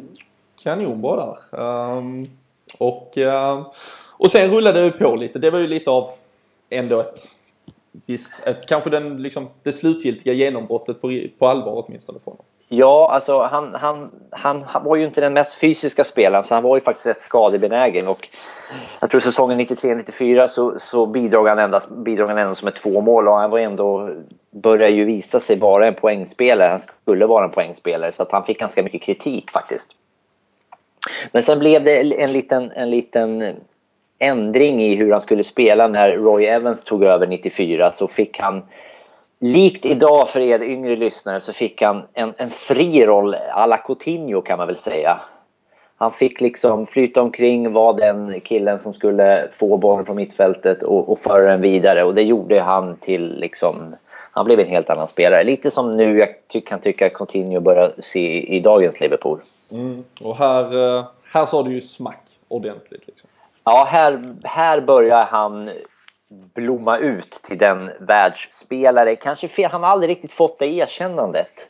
Det är det som är lite synd. Men om man börjar läsa på och så ser man vilka klubbar som har ryckt i han genom åren. Och vilka han till slut också kommer att representera i, i vissa fall. Till och med. Precis, då kan man se alltså det är om du tittar de eh, tio bästa klubbarna i Europa så har alla ryckt i Steve McManaman. Mm. Men i alla fall, den säsongen, 94-95, så var det åter dags för Wembley. Och om han blev utsedd till matchens lirare förra gången han var på Wembley så kan man faktiskt googla The McManaman Final. Då kommer den här upp. Liverpool möter alltså Bolton i en ligacupfinal. Och här, eh, här, här, här tog han, han för sig. Här är han helt outstanding. Eh, han gör två mål och han blir som vanligt när han spelar final på Wembley framröstad till matchens lirare. Men fråga nummer tre är Förutom engelska spelare så har Liverpool representerat av tre andra nationaliteter i den finalen. Vi behöver veta vilka tre länder då. Mm. Och eh, kanske ett litet plus i kanten om man såklart också nämner spelarna som eh, kom från dessa tre länder helt enkelt. Så det är tre olika länder utöver eh, England som representerade Liverpool i finalen på Wembley 95 och vi vill veta vilka tre länder, nationaliteter detta var och eh, som sagt ett plus i kanten om man tar med vilka spelare det också var helt enkelt. Yes! Sen kom väl aldrig riktigt eh, vad ska jag säga, bucklorna kom längre och längre ifrån oss. Eh, det var lite rörigt där tycker jag. Och han, det blev aldrig den här, de fick aldrig ihop det där med den, med den talangen som fanns i Liverpool med Collymore, Fowler, och Redknapp och, och McMahon och allihopa. Jag tycker att vi blev, vi, vi skulle tagit mer bucklor då än vad, vi, än vad vi gjorde. Men han hade fortfarande, jag tror att han var säsongen 97-98 så gjorde han 12 mål och då om ni vill veta, om ni inte vet någonting om McMahon då ska ni gå in på Youtube och så googlar ni Liverpool Celtic, jag tror det är 1998 i eh, Uefa-cupen. Det är ett sånt mål, så då, det är Messi-klass på det. Och det är stora ord, men om ni går in och tittar på det. Hade Messi gjort det idag, då hade det blivit rubriker all over the world. Men McManaman gjorde det redan 1998, så då förstår ni vem som var först. Precis, och uh, ja. Äh, och han, och han var ju, man får väl säga att han var inte humörspelare men ändå den här så, han blandade och gav ju. När, när det var bra så var det ju fantastiskt bra. Och så kanske saknar lite av den där balansen och, och, garantin på att han skulle leverera samtidigt. Men eh, när han väl eh, var outstanding så var han och det var ju flera, du nämnde det, men eh, här kom ju faktiskt klubbar in med fler och fler med seriösa bud och kunde se honom som ja, ett tillägg till, det var ju både Barcelona, Juventus, flera av de riktigt stora på den här tiden som började nosa kring honom. Ja, för han gjorde väl ingen hemlighet av sig att han ville pröva lyckan utomlands. Eh, men då försökte ju faktiskt Liverpool till och med sälja han innan där för att han gick ju 1999 som 27-åring gick han ju vidare då som bossman så Liverpool försökte ju faktiskt få några miljoner för honom och jag vet att Barcelona bjöd 12 miljoner pund vilket är rätt mycket på den tiden. Sen har jag inte fått det där bekräftat men jag läste på några ställen att han åkte faktiskt ner för Liverpool eh, sa ja till Barcelona att de skulle få åka ner och förhandla med McManaman. Eller McManaman åkte dit men det var ingen som, det var ingen som mötte upp honom på flygplatsen. en, uh, hade blivit en bra story i dagens uh, silly season sur åtminstone. Ja, där hade Sportbladet haft extra mycket klick på det. Ja. Men, uh, men, men det var, man kan väl ändå säga att det här var ju ändå början på slutet. Man visste att uh, Liverpool kanske inte skulle vara destinationen där, där han avslutar sin karriär. Nej, och det är sådär man, jag minns hur det var då. Man var ju lite tvådelad. Att han gick som bossman hatar man ju för man ville ju att Liverpool skulle få lite cash för honom. Men samtidigt så hade han ju inte gjort... Han hade ju liksom inte stuckit under stolen med att han, jag vill ut i Europa och pröva. Och hade han skrivit på ett nytt kontrakt med Liverpool som 27-åring då hade han kanske försökt eller fått kommit ut i Europa som 30-31-åring och det ville han inte. Han ville liksom vara på sin peak när han, när han skulle sticka utomlands. Och han anlände till Madrid, Real Madrid, denna gigant. Mm, det, där har vi en liten känsla av vilka klubbar det var som ändå uh, hade, hade fått upp ögonen. Och det var 1999 han lämnade. Uh, han hade gjort 364 matcher, 66 mål för Liverpool och uh, när han uh, gick till Real Madrid så en Gus Hiddink som även för många idag är en väldigt välkänd manager. Han blev hans sista värvning och det var ju lite ja, det här klassiska syndromet att värvad av en manager och sen skulle han bli omhändertagen av en annan därefter. Yes, och då kommer vi in på fråga fyra. Han kommer alltså anleda till soliga Madrid 1 juli 1999 och vem är ansvarig tränare i Real Madrid när Steve McManaman anländer dit? Han blev alltså signad av Gus Hiddink men Hiddink fick ju kicken och så vem tog över efter honom och var ansvarig tränare när Steve McManaman kom dit 1999? Mm. Och ganska roligt om man, om man tittar tillbaka på just den tiden, även om Real Madrid verkligen, det, det var ju en, en stor klubb men uh, det var ju ändå en del uh, turbulens i, i hela den vevan. Uh, kanske en av anledningarna till att det heller inte han har ju också, tittar vi där på vad han uppnådde med, med Real Madrid så finns det ju fin, fina meriter. Men, men det var en, en turbulent start han fick åtminstone i, ja. i Real. Och han fick det ju inte lättare för sen kom ju den här galaktiska filosofin att det skulle in stjärnor varje år. Så att, men Steve McManamans legacy, om man uttrycker sig så i Real Madrid, att han är högt respekterad där. För han tackade nej, han bet ihop även fast det kom in stjärnor som Zidane, Figo, Backman, eller Beckham och så vidare. Så han stannade och kämpade för sin plats. Och ser man meritlistan, han har vunnit två gånger Champions League med Real Madrid och ligamästare två gånger. Så att och fick göra mål i finalen mot Valencia. Första Champions League där 0-0 med ett fantastiskt volleymål. Jag tror det betyder 3-0. Så mm. han kan nog se tillbaka till sin Real Madrid-karriär med och gå med högt huvud. Det tror jag. Ja, det, det, nej, nej, men det är ju som en del sådana där prestationer försvinner ändå under, under radarn på något sätt med hur mycket han faktiskt uh, uppnådde där. Ja. Um, sen så precis som för alla engelsmän på något sätt så, så känns det alltid som den där landslagskarriären är det som, som ändå saknas för att ja. lyfta upp honom på det, på det stora altaret liksom. Men uh, det blev 37 landskamper och tre mål vilket såklart uh, kanske inte smäller så högt men uh, hemma-EM 96 bland annat och um, var, å, återigen, var bra väl stundtals och, och hade sina dippar också. Ja, jag minns ju det där 96. I och med att Sverige inte var med så då håller man alltid på England. Det har man alltid gjort. Och eh, det laget som England hade då med Gascoigne och McManaman och så vidare. Det, det, var, det, var, det var ett fantastiskt lag. Och McManaman fick väl kanske ett ganska stort erkännande där även i landslagsdressen. För han, det gick så långt så att han var med i, i, i liksom världslaget eller i det laget som tog ut de bästa. Och sen var han runner-up i Most Valuable Player. Det. Så att eh, han gjorde det ganska bra. Mm. Och, ehm, och sen känner vi säkert till historierna från 98 var han ju också en del av uh, laget som uh, förlorade den där åttondelsfinalen mot Argentina. Det berömda Beckham-kortet. Och, um, Och där kan man väl lite säga som, om vi nämner då på ja, på Liverpool-nivå så kom han in lite sådär under en John Barnes hand precis, skaffade sig kanske då någon egen axling av manteln. I, I England fanns där en David Beckham, i, i Real Madrid fanns där ja, spelare som Zidane, Figo med flera som kom in. Så han, som du nämnde redan i början, en fantastisk spelare men som alltid låg lilla snäppet under de riktigt stora. Ja, det, det, det är väl så han kommer summeras men i min värld så kommer den alltid vara up there så att säga. Jag, det, om jag har väl fått frågan någon gång om man ska ta ut sin elva genom sin Liverpool supporterkarriär så är McManaman alltid den jag vill ha som fri roll. Om Coutinho nu fortsätter så här och ser till att vi tar lite bucklor då får jag väl börja reconsider men eh, nej. Mm, nej, vi får se. Um, vi har en fråga kvar. Ja precis, jag skulle säga fyra andra som däremot eh, också tog ut honom i sin elva vid eh, några tillfällen och faktiskt gjorde det inte bara i någon, eh, något drömlag utan de fyra förbundskaptenerna som Steve McManaman hade på seniornivå under sin tid i England. De eftersöker vi nu här på fråga 5.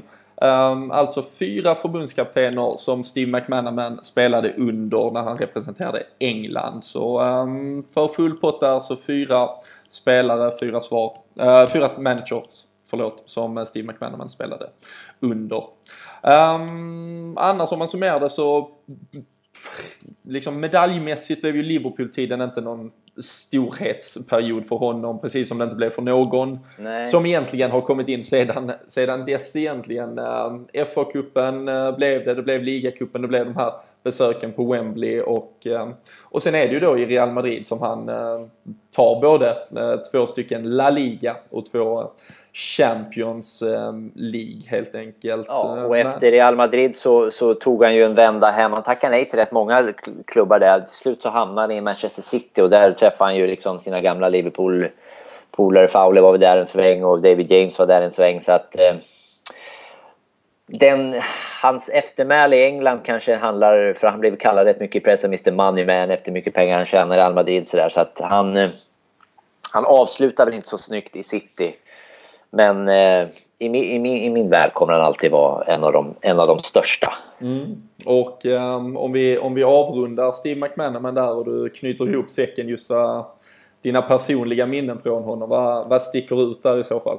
Ja, men jag minns ju hur, för man, på den här tiden, det känns som man är hundra år när man säger sådär, men man så, fick ju inte se så många matcher på TV då. Men jag minns ju målet mot Celtic, den där som ni måste youtuba. Den är jag tror han kvitterade i matchen och vi gick vidare. Och för övrigt är den You Never Walk Alone när båda, när båda fansen sjunger den är ju magisk från den matchen också. Sen har jag personligt, jag fick ju äran att vara på plats den där gången när Liverpool tog sitt Champions League-final 2005. Så jag var ju på den berömda spökmålsmatchen på Anfield. Och då innan matchen så var vi nere i Carlsbergs Lounge och det var ju legend efter legend. Och jag efter fyra öl i kroppen vågade ju gå fram till Fowler och McMahon och fråga om vi inte kunde ta ett kort.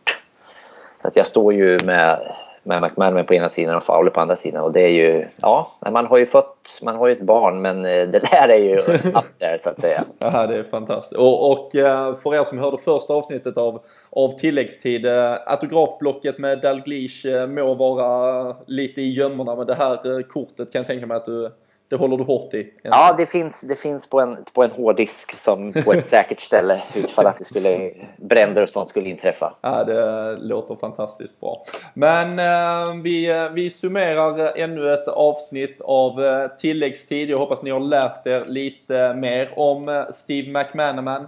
Och eh, fem frågor ni ska besvara alltså. Vi kommer köra en snabb liten recap så ni vet vad som gäller. Men eh, man mejlar sen svaren till podden snabela liverpoolfc.nu. Märk tilläggstid så kan ni vinna ett eh, presentkort från Sam Dodds. Och eh, fråga ett på Steve McManaman var alltså vem han bytte av när han klev in för sin Anfield-debut 1990. Och eh, fråga nummer två var vem Liverpool besegrade i fa kuppfinalen år 1992 då Steve McManaman blev utsedd till matchens bästa spelare. Och eh, fråga tre är vilka vilka nationaliteter utöver engelsmän som representerade Liverpool i finalen 1995 på Wembley. Um, tre nationaliteter utöver engelsmän fanns på planen och vi söker de tre helt enkelt. Och gärna spelarna också för lite plus i kanten. Och eh, fråga fyra är vilken tränare som tog över efter att Gus Hiddink hade värvat Steve McManaman till Real Madrid men han alltså aldrig ens eh, träna honom utan eh, där stod plötsligt någon ny i omklädningsrummet när Steve McManaman anlände i stort sett. Eh, vi söker vem det var och fråga 5 är vilka fyra förbundskaptener som Steve McManaman har spelat under eh, på seniornivå i England helt enkelt. Han gjorde 37 landskamper under fyra olika managers och vi vill gärna veta vilka dessa fyra är. Men eh, med de orden, med de frågorna så summerar vi ännu ett avsnitt tilläggstid och uh, även om vi bantar ner det 2-3 minuter så får vi fortfarande mycket hjälp från fjärdedomaren här ute på kanten Hoppas att ni har haft det lika trevligt som vi.